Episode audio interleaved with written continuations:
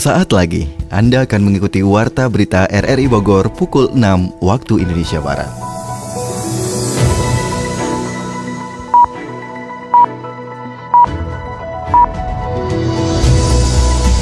Selamat pagi, salam jumpa. Kami kembali hadir dalam Warta Berita RRI Bogor pagi ini Senin 22 Agustus 2022. Siaran ini dapat Anda dengarkan melalui audio streaming RRI Play pada perangkat Android Anda serta turut disiarkan Radio Tegar Beriman, Kabupaten Bogor. Berikut kami sampaikan berita utama.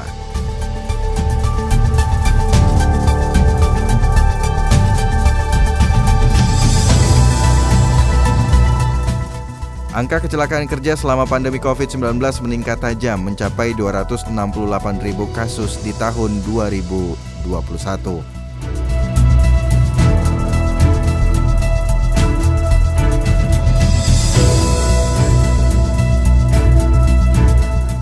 Polres Bogor menangkap 5 dari 8 pelaku pencabulan dua anak berusia 16 tahun di wilayah Kecamatan Taman Sari.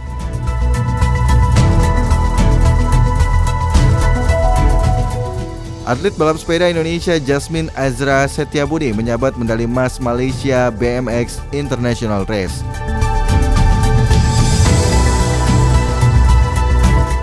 Bersama saya Gelaga Biasa, inilah Warta Berita RRI Bogor selengkapnya.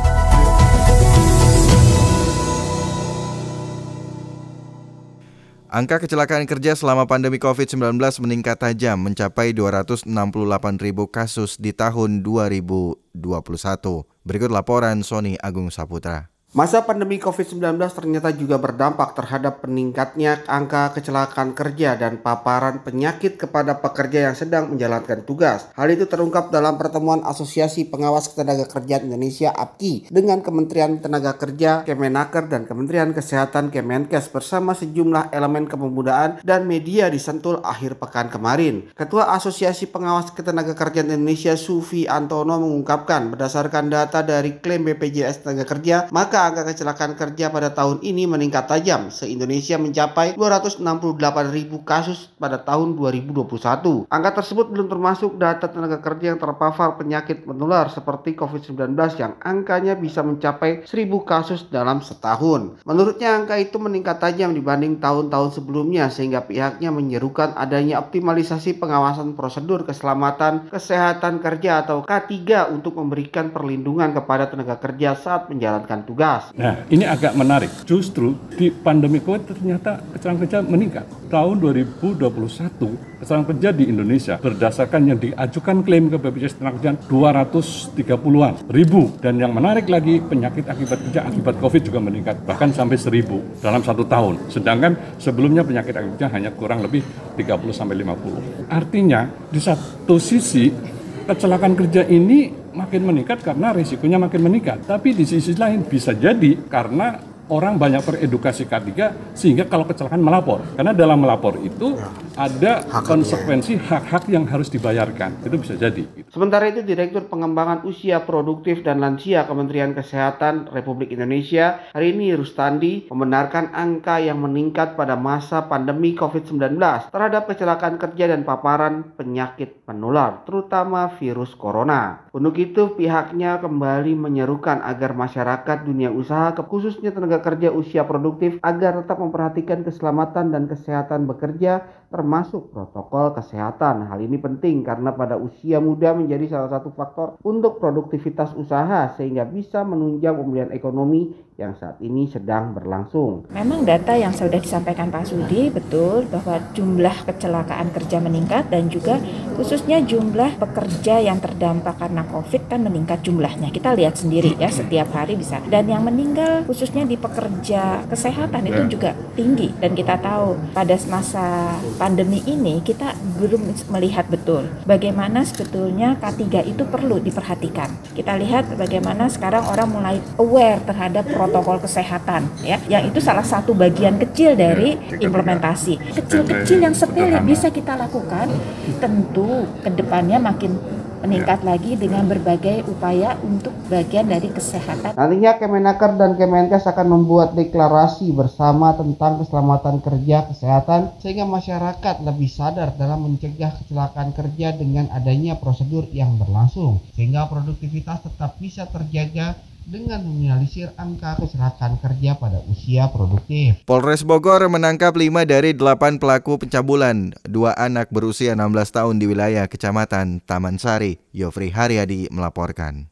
Polisi menangkap 5 dari 8 pelaku pencabulan terhadap dua anak berusia 16 tahun yang terjadi di Kecamatan Taman Sari, Kabupaten Bogor. Kelima pelaku berinisial AR 40 tahun, GP 19 tahun, HA 22 tahun, RM 27 tahun, dan RA 30 tahun. Sedangkan tiga pelaku lainnya DN, FR, dan AG masuk dalam daftar pencarian orang DPO atau kini dalam pengejaran polisi. Dalam rilis tertulis Polres Bogor, Kapolres AKBP Iman Imanuddin mengatakan pihaknya baru mengamankan lima orang, sementara tiga lainnya masih DPO. Berdasarkan hasil pengungkapan, terungkap modus para pelaku adalah mencekoki korban dengan minuman keras hingga tak berdaya. Para pelaku kemudian secara bergantian mencabuli dua korbannya yang masih berusia 16 tahun dan masih duduk di bangku sekolah. Bahkan salah satu pelakunya adalah tokoh pemuda di desa bernama AR usia 40 tahun. Barang bukti yang diamankan di antaranya satu kaos lengan pendek, satu potong bra, celana dalam, dan celana jeans milik korban. Para pelaku dijerat dengan pasal 81 ayat 1 Junto 76D dan atau pasal 82 Junto 76E Undang-Undang RI nomor 35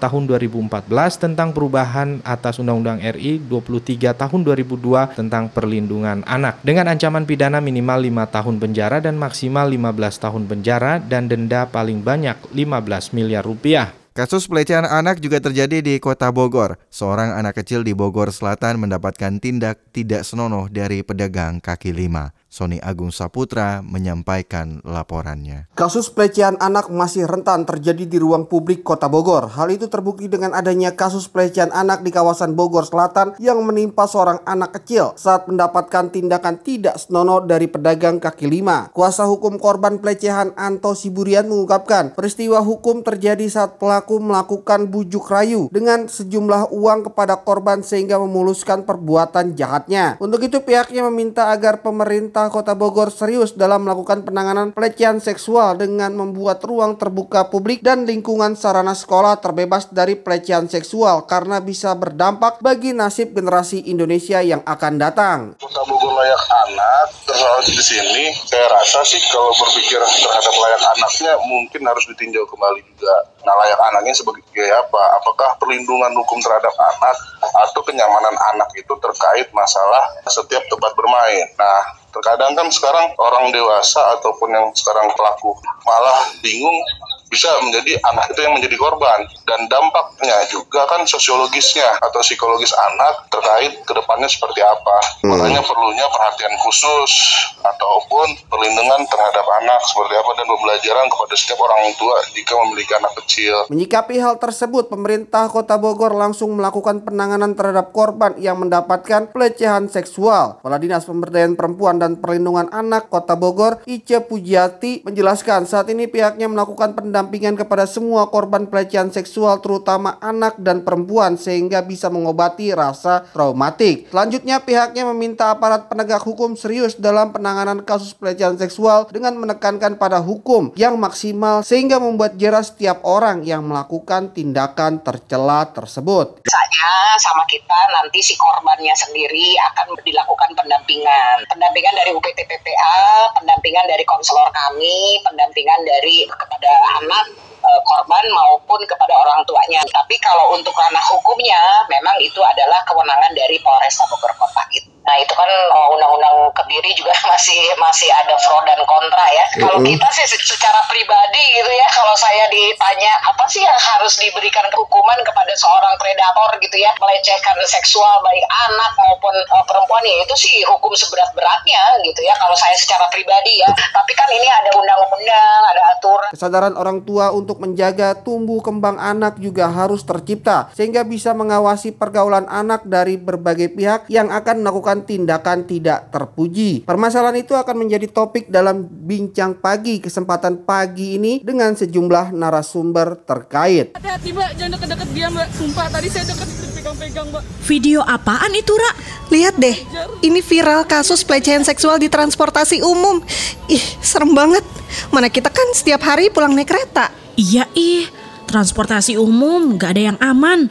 Mana modusnya macam-macam, ada yang tasnya dikedepanin, Ada yang bawa map, duduknya mepet-mepet lah. Kita tuh harus bisa jaga diri. Caranya, jangan terlalu asik sama handphone. Perhatiin sekitar kita. Terus kalau kita naik kereta, lebih baik duduknya di gerbong khusus wanita. Kalau di angkot, ya duduknya deket pintu aja. Iya sih, biar aman. Bisa juga nih, siapin dalam tas semprotan dari cairan cabai atau merica. Atau kalau berani, teriak aja. Jangan diem-diem baik. Nah, benar. Eh, tuh keretanya udah mau datang. Yakin tetap jadi naik kereta?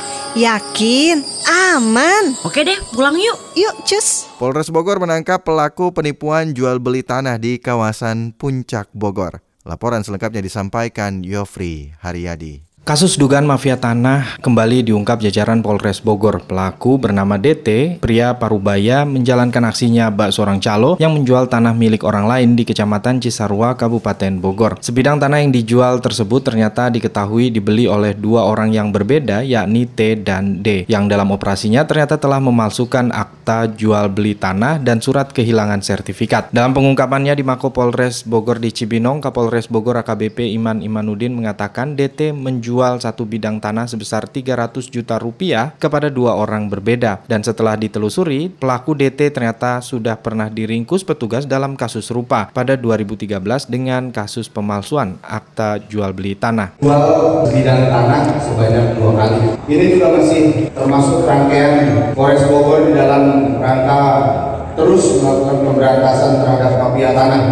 Yang bersangkutan ini sudah pernah dipidana di tahun 2013 dengan perkara eh, yang serupa yaitu perkara penipuan dengan bidang juga.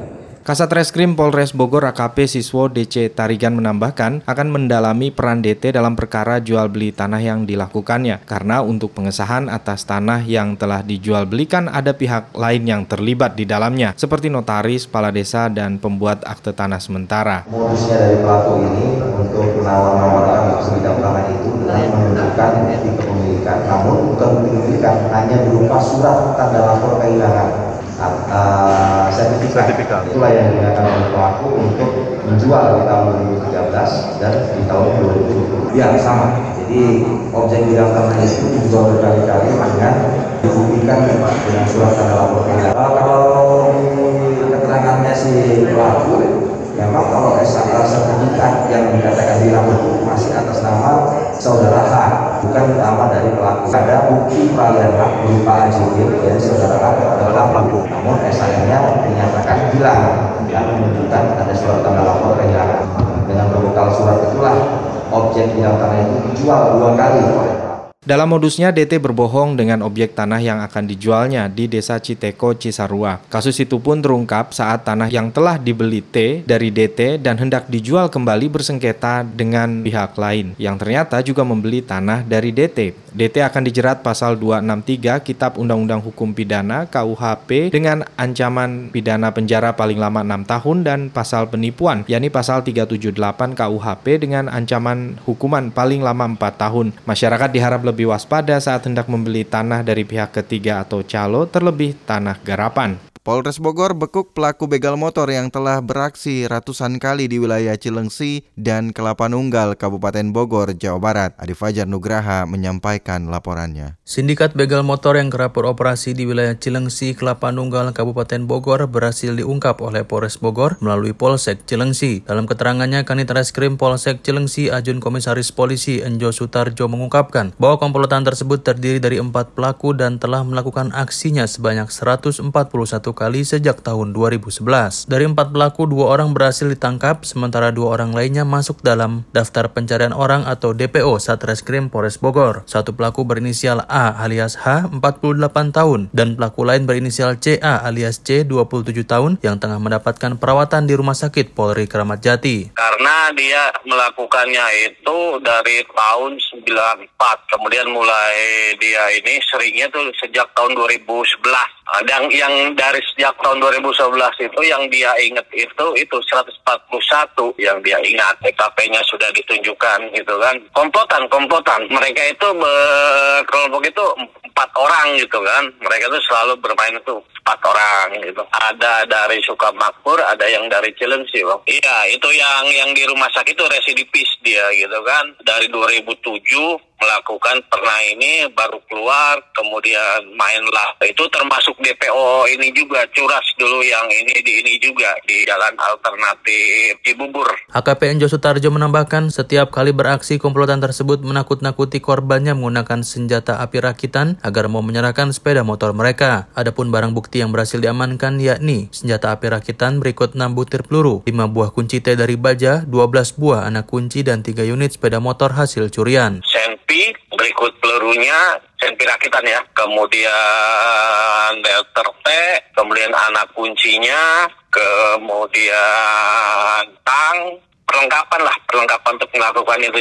Berikut STNK plat nomor gitu. Hmm. sama bekas ini ya, kontak kontak itu kontak motor itu. Hmm. jebolan sama motor bang. Tiga bang. Atas perbuatannya pelaku dijerat dengan pasal 365 KUHP dengan ancaman pidana 9 tahun penjara. Info ekonomi. Wacana Indonesia impor minyak dari Rusia memunculkan kekhawatiran embargo dari Amerika Serikat. Ekspor Indonesia mampu mendorong surplus neraca perdagangan selama 27 bulan terakhir secara berturut-turut. Informasi ekonomi selengkapnya disampaikan Adi Fajar Nugraha. Indonesia disebut akan melakukan impor minyak dari Rusia. Meskipun belum final, namun ada kekhawatiran hal ini akan membuat Amerika Serikat geram hingga berujung melakukan embargo terhadap Indonesia. Menteri Pariwisata dan Ekonomi Kreatif Sandiaga Uno mengingatkan, Indonesia tidak perlu takut di embargo terkait keputusan impor minyak ini. Meski meminta masyarakat tidak khawatir, tidak bisa dipungkiri bahwa Amerika Serikat sebenarnya memiliki kuasa yang cukup besar dalam hal transaksi dagang. Hal ini berkaitan dengan kontrol semua transaksi yang dipegang negara itu menggunakan dolar Amerika Serikat. Serikat. Ini lantaran semua sistem pembayaran yang menggunakan dolar Amerika Serikat dengan transaksi besar dilakukan melalui Society for Worldwide Interbank Financial Telecommunication atau SWIFT. SWIFT merupakan sistem yang menghubungkan ribuan lembaga keuangan dunia sehingga bank dapat mengirim dan menerima pesan transaksi dengan cepat dan aman. Dengan SWIFT, transaksi keuangan saat ini dapat dilakukan antar negara bahkan antar benua. Imbasnya jika Amerika melakukan embargo terhadap Indonesia karena ketahuan bertransaksi dengan Rusia, maka bank asal Indonesia tidak bisa bertransaksi dengan dolar dolar Amerika Serikat. Di sisi lain, pihak Rusia terus mendesak soal pembelian minyak dengan harga murah itu. Rusia mengingatkan bahwa pembelian minyak bisa menggunakan rubel. Sandiaga juga menyebut bahwa Presiden Jokowi memang telah setuju untuk mengimpor minyak dari Rusia, sebab harga minyak di Rusia lebih murah 30%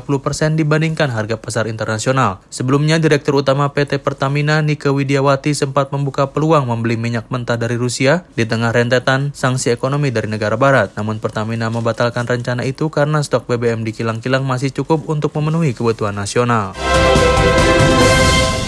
Menko Kemaritiman dan Investasi Luhut Binsar Panjaitan menargetkan nilai ekspor Indonesia mencapai 300 miliar US dollar atau setara 4.460,43 triliun rupiah pada 2024. Luhut juga mengatakan ekspor Indonesia yang tumbuh tinggi mampu mendorong surplus neraca perdagangan selama 27 bulan terakhir secara berturut-turut. Yang menambahkan lonjakan ekspor ditopang oleh iron steel yang merupakan turunan nikel ore yang mencapai 21 miliar US dollar pada 2021 dan akan mencapai 31 miliar US dollar pada tahun ini. Sebelumnya Badan Pusat Statistik mencatat nilai ekspor mencapai 25,57 miliar US dollar pada Juli 2022 atau turun sebesar 2,2 persen dari bulan sebelumnya yang sebesar 26,15 miliar US dollar. Sementara nilai impor hanya 21,30 miliar US dollar atau naik 1,64 persen dari posisi sebelumnya yang sebesar 21 miliar US dollar. Deputi Bidang Statistik Distribusi dan Jasa Setianto mengatakan nilai ekspor menopang neraca perdagangan surplus sebesar 4,23 miliar US dollar. Realisasi inflasi itu lebih rendah dibandingkan bulan sebelumnya yang hanya 5,15 miliar US dollar.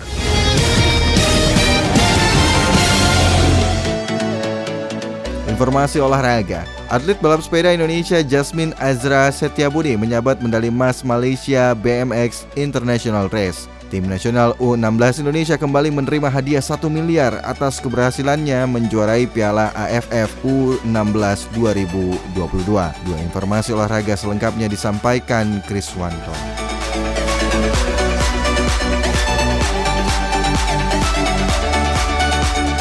Atlet balap sepeda BMX Indonesia Yasmin Azahra Budi tampil luar biasa dengan menyabet medali emas nomor woman junior kategori 17 sampai 18 tahun dalam gelaran Malaysia BMX International Race di Negeri Sembilan Minggu. Yasmin mengaku tak menyangka bisa finish terdepan karena penampilan di Malaysia merupakan penampilan pertama di pentas internasional setelah menjalani pemulihan selama enam bulan karena cedera. Dalam Malaysia BMX International Race, Yasmin finish di urutan pertama dengan catatan waktu 36,194 detik dia mengalahkan wakil Jepang Neneka Nishimura yang pulang dengan medali perak dengan membukukan 36,238 detik dan atlet asal Korea Selatan Yeon Yun yang finish ketiga dengan 37,203 detik. Sehari sebelumnya, Yasmin juga turun dalam Asian BMX Championship 2022 atau kejuaraan BMX Asia di lokasi yang sama. Dia meraih perak setelah membukukan 32,783 detik terpaut 0,276 detik dari Nishimura yang finish pertama. Dalam gelaran ASEAN BMX Championship 2022, Indonesia meraih 5 medali perak dan satu perunggu. Adapun dalam Malaysia BMX International Race, Indonesia membawa pulang satu medali emas melalui Yasmin dan empat perak serta dua perunggu. Setelah mendapatkan bonus senilai 1 miliar rupiah dari Presiden Joko Widodo dan 1,385 miliar rupiah dari PSSI, tim nasional U16 Indonesia kembali menerima hadiah 1 miliar dari Bank BUMN BRI atas keberhasilannya menjuarai Piala AFF U16 tahun 2022. Dikutip dari laman PSSI di Jakarta, bonus tersebut diberikan langsung oleh Direktur Utama BRI Sunarso kepada pelatih Bima Sakti dan sang kapten Muhammad Iqbal Guyangge. Pelatih Timnas U16 Indonesia Bima Sakti pun mengucapkan terima kasih kepada BRI atas bonus tersebut. Bima berjanji akan terus mengawal para pemainnya agar tetap mempertahankan performa mereka. Berikutnya, skuad berjuluk Garuda Asia ditunggu di turnamen berikutnya yakni kualifikasi Piala Asia U17 tahun 2023 pada tanggal 1 sampai 9 Oktober 2022 yang digelar di Indonesia. Di kualifikasi itu, Indonesia berada di grup B bersama Malaysia, Uni Emirat Arab, Palestina, dan Guam.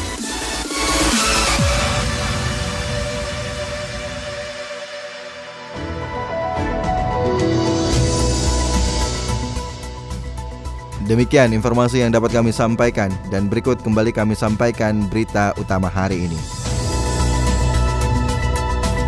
Angka kecelakaan kerja selama pandemi COVID-19 meningkat tajam mencapai 268 ribu kasus di tahun 2021.